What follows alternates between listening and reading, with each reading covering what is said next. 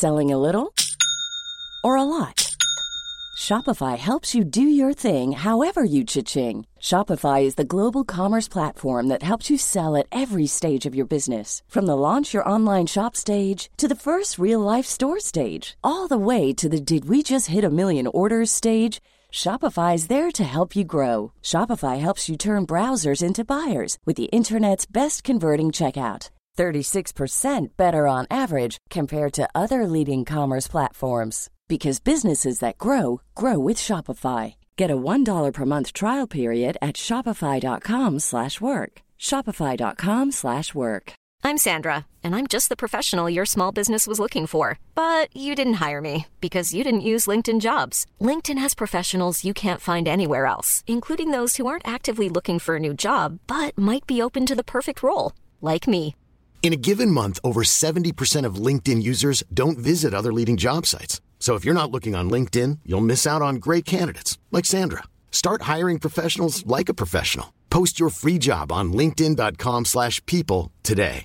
Ready to pop the question? The jewelers at BlueNile.com have got sparkle down to a science with beautiful lab-grown diamonds worthy of your most brilliant moments. Their lab-grown diamonds are independently graded and guaranteed identical to natural diamonds, and they're ready to ship to your door. Go to BlueNile.com and use promo code LISTEN to get $50 off your purchase of $500 or more. That's code LISTEN at BlueNile.com for $50 off. BlueNile.com code LISTEN. Life is full of what ifs. Some awesome, like what if AI could fold your laundry? And some, well, less awesome, like what if you have unexpected medical costs? United Healthcare can help get you covered with Health Protector Guard fixed indemnity insurance plans. They supplement your primary plan to help you manage out of pocket costs. No deductibles, no enrollment periods, and especially no more what ifs. Visit uh1.com to find the Health Protector Guard plan for you. 1996 grundas bolaget WebVan av entreprenören Louis Borders. Borders vill använda det nya internet till att bygga en bättre och mer effektiv tjänst för att handla mat. Framförallt vill han att det ska gå snabbt. Beställer du din mat via WebVan så kommer leverans ske inom 30 minuter från beställning till din dörr. Webvans strategi är enkel. Få in kunder som vill handla mat, det vill säga varor som köps ofta men har låga marginaler och skifta sedan över kunden till varor med högre marginal som elektronik och böcker. Men för att få in kunder krävs incitament. Webvans leveranser ska vara gratis för beställningar över 50 dollar. Det ska inte finnas någon medlemsavgift och man ska ha extremt konkurrenskraftiga priser. Webvans matpriser är i snitt 5% lägre än de största matvarukedjorna. Webvan har dock ett problem som vanliga matbutiker inte har. Inte bara behöver man sälja maten, man behöver plocka upp och leverera den också. Man anställer 80 stycken utvecklare för att bygga mjukvara som ska optimera och automatisera leveransprocessen. Detta ska skapa effektivitet och den skala som behövs för att företaget ska kunna gå runt. Målet är att varje distributionscenter ska kunna hålla 50 000 olika produkter i lager.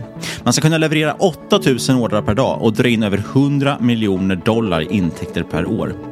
Det här bolaget väcker extremt intresse och får in 800 miljoner dollar i riskkapital från investerare som Goldman Sachs, Sequoia och Softbank. Det är en extremt stor summa för den här tiden.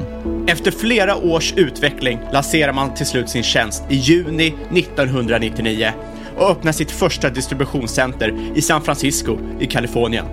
Fem månader senare börsnoteras Webvan. När första handelsdagen stänger så har Webvan en värdering på 8 miljarder dollar.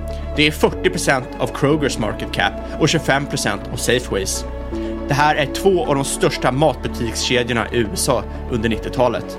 Men Webbrands totala omsättning ligger endast på 395 000 dollar. Det är ungefär lika mycket som två stycken Safeway-butiker. Men analytiker anser att man kommer kunna nå hela 500 miljoner dollar till 2001 eftersom det är troligt att bolaget kommer kunna erövra en stor del av marknaden. Men drömmar och verklighet går inte alltid ihop. Bara två år efter börsnoteringen går Webvan i konkurs. Och det här kännetecknar dotcom-bubblan. Vision och story går före intäkter. Det är till och med så att man föredrar bolag som inte har några intäkter alls eftersom då går inte bolaget att värdera normalt utan man måste fundera på framtiden och lyssna på grundarnas vision. Men om det aldrig kommer in några intäkter i bolaget och kapitalet så småningom torkar upp, ja, då spricker också förstås bubblan till slut. Och det var precis vad vi såg runt millennieskiftet. Richard, one potential issue our hosting fees could become a challenge as we scale. Right. But we can offset a lot of that once we get a few customers and start a subscription revenue model. Why would you go after revenue? Because we, to make money? No. If you show revenue, people will ask how much, and it will never be enough. The company that was the 100X or the 1000xer becomes the 2x dog. But if you have no revenue, you can say you're pre revenue.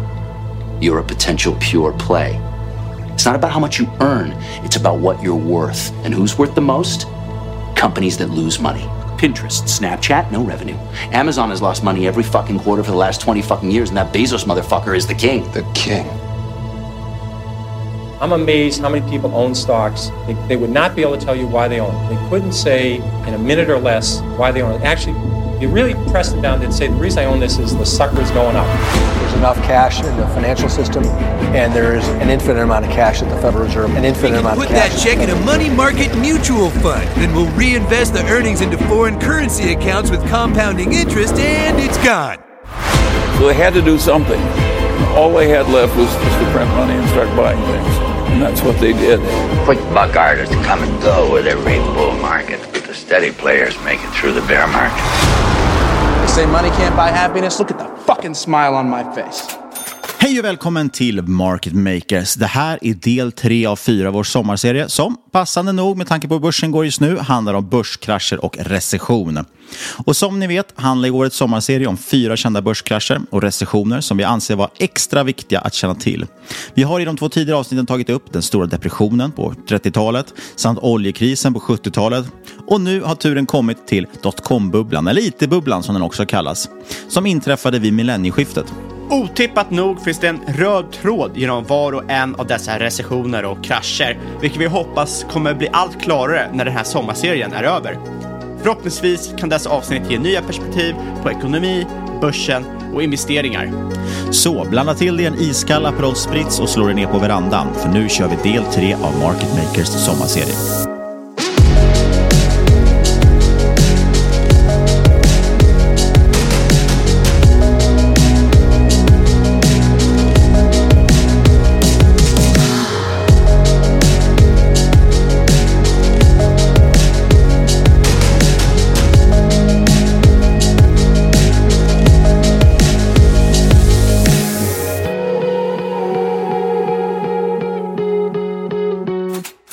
Vi har återigen med oss vår samarbetspartner Pinpoint Estimates, den öppna plattformen för dig som vill läsa och lämna estimat på dina favoritaktier. Och du som lämnat estimat på Evolution inför deras rapport den 21 juli kan dessutom vinna en årsprenumeration på Affärsvärlden Digital. Det är värt över 5 000 spänn, det vill man inte missa. Gå bara in på pinpointestimates.com. Länk finns såklart i avsnittsbeskrivningen och registrera ett konto om du inte redan har ett sedan tidigare och sök fram Evolution. Du drar enkelt på reglagen för omsättning och vinst per aktie och skickar sedan in vad du tror framåt. Den som hamnar närmast det faktiska utfallet vinner. Ja, det är supersimpelt, det är helt gratis och dessutom då får du se alla andras estimat också, så det är en no-brainer. Och den här enkla övningen tycker vi är central för aktieanalys och vi rekommenderar att man alltid gör den för de bolag man följer. Fundera kring omsättningstillväxt, fundera då på vilken vinstmarginal kan tänkas ha och därmed få ut vinst per aktie. Och det som är så fantastiskt tycker jag med att göra det här via Pinpoint istället för till exempel Excel eller så, det är att du inte bara får dina egna siffror att förhålla dig till, utan du ser också alla andras förväntningar i marknaden på det här bolaget, som historiskt också har faktiskt varit väldigt bra. Eh, pinpoint-användarna har varit duktiga på att förutspå framtida siffror. Så lämna ditt estimat inför 21 juli för att ha möjlighet att vinna det här fina priset. Dessutom finns det givetvis hundratals andra bolag på Pinpoint att lämna och se estimat på för att du ska få bättre underlag för dina investeringar. Ovärderligt för att dels kunna se vad marknaden har för förväntningar, men också för att kunna mäta dina egna prognoser med det faktiska utfallet. Låt bästa pinpointare vinna. Vi säger stort tack till Pinpoint Estimates. IT-bubblan kan sägas starta i början av 90-talet när fler och fler människor får tillgång till www, World Wide Web. Genom nya webbläsare såsom Mosaic, Netscape och givetvis Internet Explorer som var förinstallerat i Windows 95. Men 1990 är endast 2,6 miljoner människor uppkopplade till internet. Men bara fem år senare, alltså 1995, är det 45 miljoner. Antalet människor online mer än dubblas varje år och det är solklart för alla att internet kommer förändra företag och hela samhället i grunden. Därför växer hypen kring internet explosionsartat och det drar igång ett enormt intresse för entreprenörskap. Och internet ökar inte bara intresse för entreprenörskap, det skapar också en mani för börsen förstås, där man kan investera i de här bolagen. För vill man inte eller kan man inte starta ett eget IT-bolag så kan man ju förstås daytrada de heta IT-bolagen som listas på börsen. Och en av de vanligaste strategierna är att köpa de mest diskuterade aktierna på de nya internetforumen för att sedan hoppa vidare nästa vecka till nästa heta raket. 1995 ska bolaget Netscape börsnoteras. Det är den första webbläsaren som kunde visa bilder i linje med text. Väldigt avancerat på den här tiden. Webbläsaren är gratis och ges ut till allmänheten av internetleverantörer, vilket innebär att den fick ett snabbt genomslag. Aktien planeras att noteras till 14 dollar, men på grund av extremt hög efterfrågan så höjer man först det till 21 dollar, sen till 24 dollar och sist, men inte minst, till 28 dollar innan noteringen, samtidigt som ökar antalet aktier i noteringen från 3,5 miljoner till 5 miljoner. Trots detta mer än dubblas aktien under sin första handelsdag och 14 miljoner aktier omsätts. Det här betyder alltså att varje aktie byter hand cirka tre gånger om. Och det här bolaget har ju nästan till noll intäkter, men dessutom stora förluster. Men nu har man ett market cap på 3 miljarder dollar. Netscape visar marknaden att ett bolag inte behöver vara lönsamt för att noteras. Om ett bolag bara kan växa tillräckligt snabbt så antas det bolaget förr eller senare bli extremt lönsamt. Och många bolag under IT-bubblan har reella problem som de vill lösa. Tyvärr är dock sällan lösningen hållbar och saknar ibland möjlighet att bli lönsam överhuvudtaget. Det är inte alls ovanligt att ett bolag betalar över 100 dollar för att kunna dra in en kund som i slutändan bara spenderar några enstaka dollar på tjänsten. Och Det krävs inget geni i matte för att förstå att den här affärsmodellen inte är hållbar i längden. Priceline.com är ett lysande exempel på detta. Bolaget de ville faktiskt lösa ett verkligt problem. Varje dag står över 500 000 flygplanssäten obokade i USA. Och Pricelines idé var att erbjuda de här sätena via en auktion till högstbjudande. På så sätt kan flygbolagen fylla fler säten medan kunden kan få tag på billigare biljetter. Problemet är att bolaget Priceline.com spenderar långt mer på varje kund än vad de drar in. Hutlösa summor spenderas på marknadsföring och man drar på sig enorma förluster. Priceline, de går inte ens break-even på sin biljettförsäljning då de behöver köpa biljetterna från flygbolagen till ett långt högre pris än de senare kan sälja det till kund för. I snitt förlorar Priceline 30 dollar för varje såld biljett. Men det här verkar inte vara något som skrämmer investerare. 1999 noteras Priceline.com till rekordvärderingen 10 miljarder dollar. Men grundaren av största konkurrenten Cheap Tickets, som har en betydligt lägre värdering, han förklarar för media varför det skiljer sig så enormt mellan de här två bolagen när man tittar på värderingen. Han säger att vi har en policy på Cheap Tickets och den policyn säger att vi ska tjäna pengar och därför skadar det vår värdering kraftigt.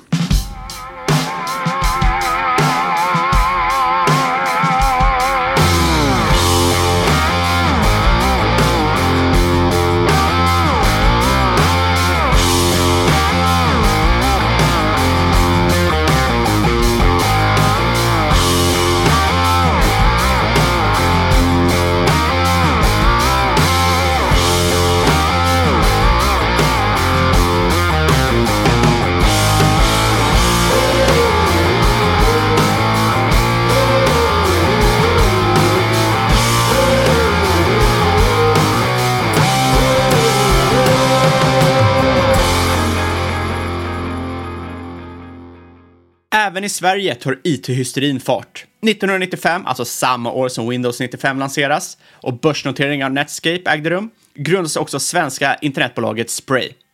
De samlar unga och kreativa konsulter som hjälper till att bygga många av de första svenska webbsidorna. Grundarna har, likt många andra profiler i IT-bubblan, sin bakgrund hos Jan Stenbecks Kinnevik. Fyra år senare, alltså 1999, ringer Spray börsklockan i New York då man gått samman med amerikanska internetkonsulten Razorfish. Man lanserar även mängder av kringtjänster såsom Spraymail, Spraydate och Spraydio. Och mail och dating och musik på nätet skulle ju bli enorma fenomen, men man var fortfarande lite tidigare på bollen. För några intäkter att tala om finns förstås inte än. Men Investor investerar en halv miljard i samband med börsnoteringen så drömmen hålls fortsatt vid liv med nytt färskt kapital. Och En av de stora förändringarna som internetbolagen också kom med det var den nya synen på corporate-kulturen, hur ett företag skulle drivas. Dels blev det väldigt stort med den platta organisationen och eh, man jobbade länge och hårt och därför fick bolagen erbjuda våningssängar på kontoret för den som vill sova över. Och Man hade stora fester där entreprenörer hyllas som rockstjärnor och det blev mer fokus på coola kontor med pingisbord och, och spel än att kunna arbeta på jobbet. Tillsammans med andra kända svenska internetbolag som också skulle gå under inom kort, till exempel eh, Framfab och Icon Media Lab, så lade man ändå grunden för det som gjorde att Sverige blev en framstående it-nation. Dessutom var det många av vår tids största entreprenörer som skolades här. Till exempel lanserade några av Sprays grundare och anställda mobilspelsbolaget King, som med sin succé Candy Crush skulle förvärvas av Activision Blizzard för närmare 6 miljarder dollar. Vi såg också kasinobolagen som såg möjligheten att ta betting och spel ut på nätet och utmanade det svenska monopolet genom att sätta upp sina bolag på Malta. Dagens darlings som Spotify och Klarna har också till stor del fått både idéer och finansiering som en följd av dotcom-bubblan. Dotcom-bubblan gjorde som sagt tech-entreprenören till den nya rockstjärnan. Men man introducerade också helt nya regler för ett framgångsrikt bolag skulle byggas i den nya ekonomin. Först och främst skulle affärsidéer lanseras så fort som möjligt. Begreppet time to market blev oerhört viktigt och detta för att skapa ett så kallat first movers advantage. Är du först så blir du störst helt enkelt. Dessutom visste man ju redan nu att internet skulle bli enormt så därför överinvesterade man redan idag för att kunna hantera anstormningen av nya kunder och den högre bandbredden som skulle komma i framtiden. Man använde sig av både film och ljud trots att många webbläsare inte ens klarade av att visa det. För att inte tala om 56k-modemen i folks hem som inte klarade av att ladda ner de här grejerna. Man skulle ju även bli globala i och med att internet var globalt. Så direkt från start ville man erbjuda olika språk och valutor trots att man inte ens hade landat sin första kund i hemlandet än. Och att ha en hög burn rate, alltså stor kostnadsmassa egentligen, det var inte alls negativt utan det visade att man satsade hårt på framtiden och höjde därför värderingen på bolaget. Det hänger ihop med att det var enormt fokus på att skaffa många så kallade eyeballs, alltså kunder och gärna samla dessa i stora kundregister. Det här ser vi lite samma tendenser till idag. Varför är Facebook så mycket värt till exempel? Eller Google? Jo, för att de har ju närmast monopol på sin marknad och en väldigt stor användarbas. Man brände därför på rejält när det gällde marknadsföring och kundanskaffning eftersom användarna hade ett stort värde i sig även om de inte ännu spenderade några pengar. Alla blir rika i den här nya ekonomin. Istället för att bränna pengar på löner erbjuds personaloptioner som ger mångmiljonbelopp när bolaget värderas upp. Hos Spray till exempel erbjuds optioner och sedan en finansieringslösning så att alla anställda ska ha råd. Många åker på enorma skattesmällar när optionerna görs om till aktier och aktierna sedan totalkraschar. På pappret har du då i värsta fall miljoner i vinster, men dina aktier har ju gått till noll. Och det finns flera fall på anställda som på grund av det här till och med hamnar hos Kronofogden. En del andra hade dock bättre timing och gick från bordet med mångmiljonbelopp på banken som de sedan kanske använde för att investera i nästa heta dotcom-bolag. Ja, historierna om de som blivit rika på den nya ekonomin sprider sig och aktier blir en folksport för första gången. Inför Telias börsintroduktion år 2000 den nya folkaktien enligt politikernas reklamannonser, så kör TV4 sin aktiekväll för första gången med Leif Loket Olsson som programledare. Och några månader senare lanseras också tv-programmet Börsmatchen där kändisar tävlar i aktieplaceringar tillsammans med profiler som Löparen. På framsidan av Dagens Industri den 25 mars år 2000 ser vi dåvarande statsminister Göran Persson och hans uppmaning “Köp mer aktier”. För enligt Persson kan börsen aldrig vara övervärderad. Och Telia, det blev en folkaktie. Politikerna utlovade på reklamskylt att det här var en säker placering och den nya folkaktien. En miljon svenskar köper in sig i noteringen. Men ett år senare har aktien sjunkit från introduktionskursen 85 kronor ner till 25 kronor. Vinnaren blev förstås staten. De fick in 65 miljarder i kassan när man sålde 30 procent av sin andel i Telia. Och Göran Persson han tyckte det här var mycket lyckat i slutändan. Han menade på att det är 9 miljoner som har sålt genom statens ägande och en miljon som köpte. Så därmed har ändå 8 miljoner svenskar gjort en god affär. Men en ännu mer populär aktie i Sverige är såklart Ericsson, som strax innan bubblan spricker står för hela 40 procent av Stockholmsbörsens marknadsvärde. Den 6 mars 2000 når Stockholmsbörsen sin topp. Ericsson står då i 726 kronor och ska på bara två år rasa hela 98 procent.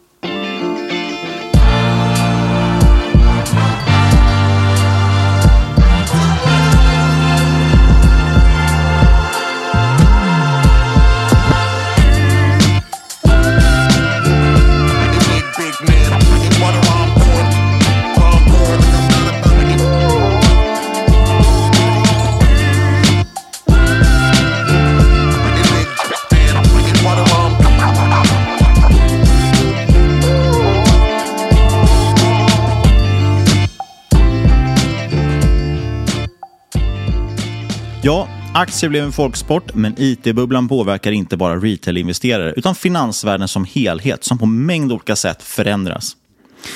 Dels kliver riskkapitalisterna in på marknaden på allvar. En modell som kopieras in från USA.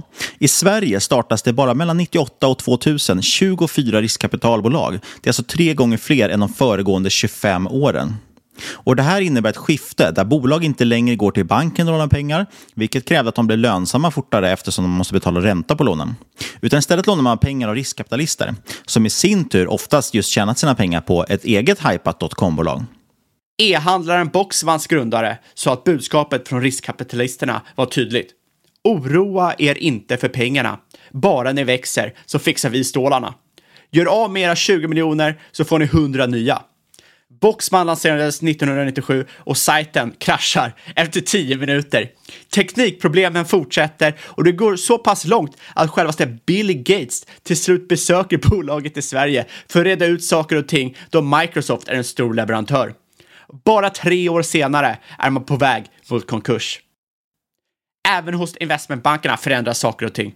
Att vara aktieanalytiker blir världens hetaste yrke och de hjälper nu till att börsnotera och marknadsföra aktier till allmänheten. Bolag som ska noteras väljer investmentbank utifrån vilken aktieanalytiker är anställd på banken. Ja, så när Priceline ska noteras då väljer de förstås investmentbanken Morgan Stanley där toppanalytikern Mary Meeker är anställd. Och vid notering sätter Meeker en köprekommendation på Priceline.com. En månad senare har aktien ökat 900 procent. Analytikerna blir kassakor hos bankerna och för techbolagen. En köprekommendation från en bankanalytiker kan innebära att en aktie dubblas på en enda dag. Som när investmentbanken Oppenheimer la en köprekommendation på Amazon 1998. Och Då sa man att aktien borde stå i 400 dollar inom 12 månader. Och Det här skickade upp aktien från 46 dollar till 289 dollar på en enda dag. Om internets genomslag drog igång spekuleringshetsen så adderar den låga räntan och låga vinstskatten bränsle till elden. 1999 noteras 450 bolag, varav nästan alla är internetbolag. 117 av dessa går upp minst 100% på sin första handelsdag. Och majoriteten varken utan intäkter eller kunder. Det ses till och med som en fördel att man inte tjänar några pengar alls, för då kommer inte värdera bolaget i juni 1999 så börjar Fed den första av tre räntehöjningar för året med anledning att kyla ner den glödheta aktiemarknaden. Men höjningarna har inte den effekt Fed hoppats på.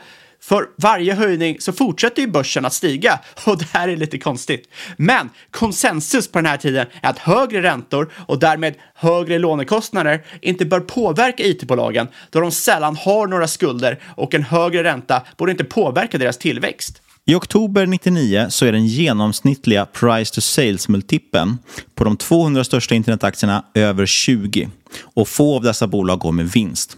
Faktum är att för många som driver dessa internetbolag så är målet inte alls att vara lönsamma med notering eftersom då får de ju inte värderingen som ett internetbolag. Tidigare noterades bolag som kanske varit verksamma i snitt 6 till 7 år. Men nu noteras bolagen bara månader eller till och med veckor efter att de fått in sin första investering. Bankernas telefoner går heta och så fort ett nystartat bolag flyttar in på sitt nya kontor, ja, då är det dags att börja diskutera notering. Och mellan 95 och början på 2000 stiger Nasdaq över 400 procent. Men snart kommer verkligheten ikapp. En kombination av Feds fem räntehöjningar inom loppet av ett år, rekommendationer från Wall Street att börja lätta viktningen i internetbolagen och insikten att många internetbolag troligtvis aldrig kommer bli lönsamma börjar få börsen att skaka på allvar. Den 10 mars 2000 pikar börsen och en aggressiv nedgång påbörjas. Fram till oktober 2002 skulle Nasdaq falla nästan 80% och många heta internetbolag skulle falla ännu mer. De flesta skulle aldrig återhämta sig. Biljoner i rikedomar raderas ut snabbare än vad det tillkommit. Och det skulle ta Nasdaq 15 år att återhämta sina highs från mars 2000.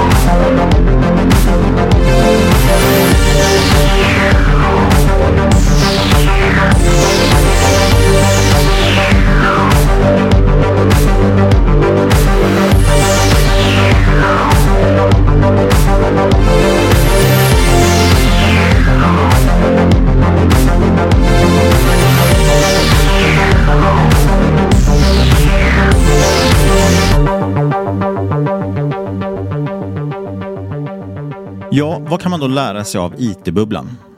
Det första, det är väl fragiliteten kring bolag. Marknaden är cyklisk och narrativ kan väldigt snabbt förändras.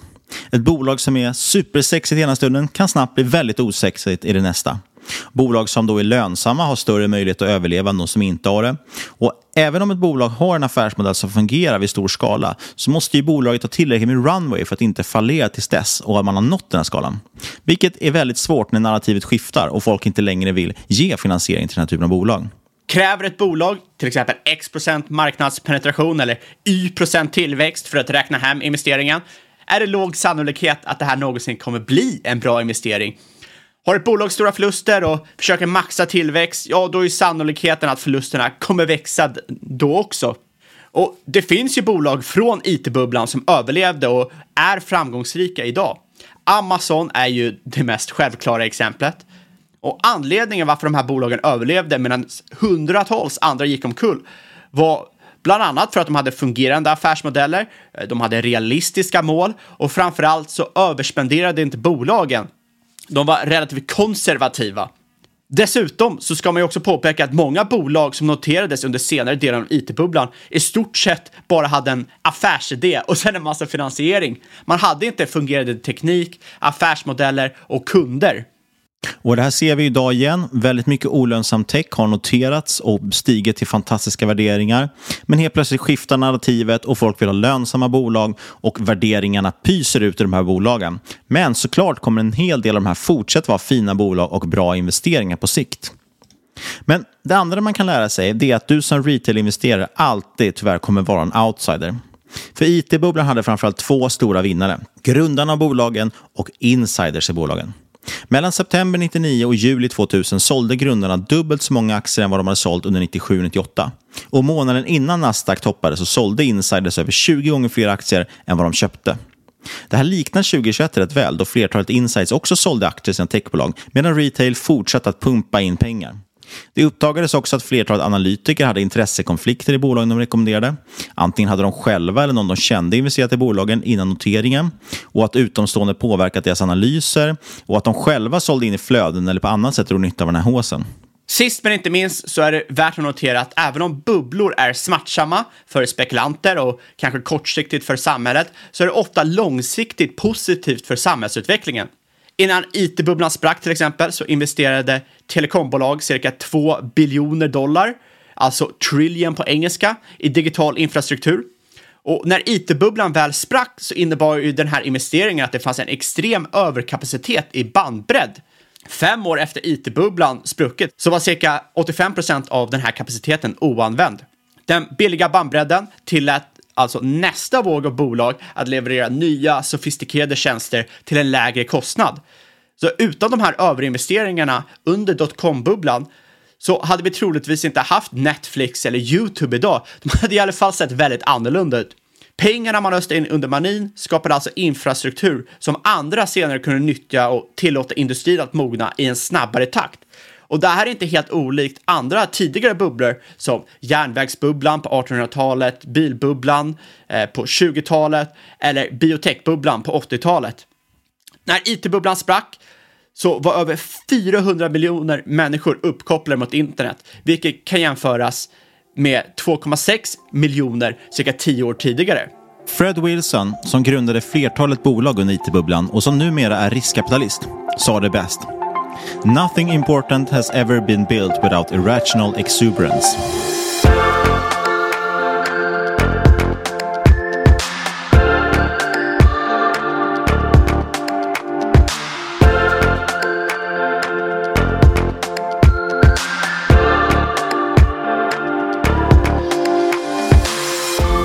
Inget hört den här podcasten ska ses som rådgivning. Alla åsikter var egna LV-gäst och eventuella sponsorer tar inget ansvar för det som sägs i podden. Tänk på att alla investeringar är förknippade med risk och sker under eget ansvar. Vi vill också rikta ett stort tack till vår sponsor Pinpoint Estimates. Glöm inte att lämna ett estimat på Evolution inför deras rapport den 21 juli så kan du vinna en årsprenumeration på Affärsvärlden Digitalt. Kontakta oss på podcast at marketmakers.se eller på Twitter och aktier at marketmakerspod. Och glöm inte att lämna recension på iTunes. Och sist men absolut inte minst, stort tack för att du har lyssnat kära lyssnare. Vi hörs igen om en vecka med den avslutande delen i Market Makers sommarserie då vi kommer kolla på krisernas kris, nämligen finanskrisen.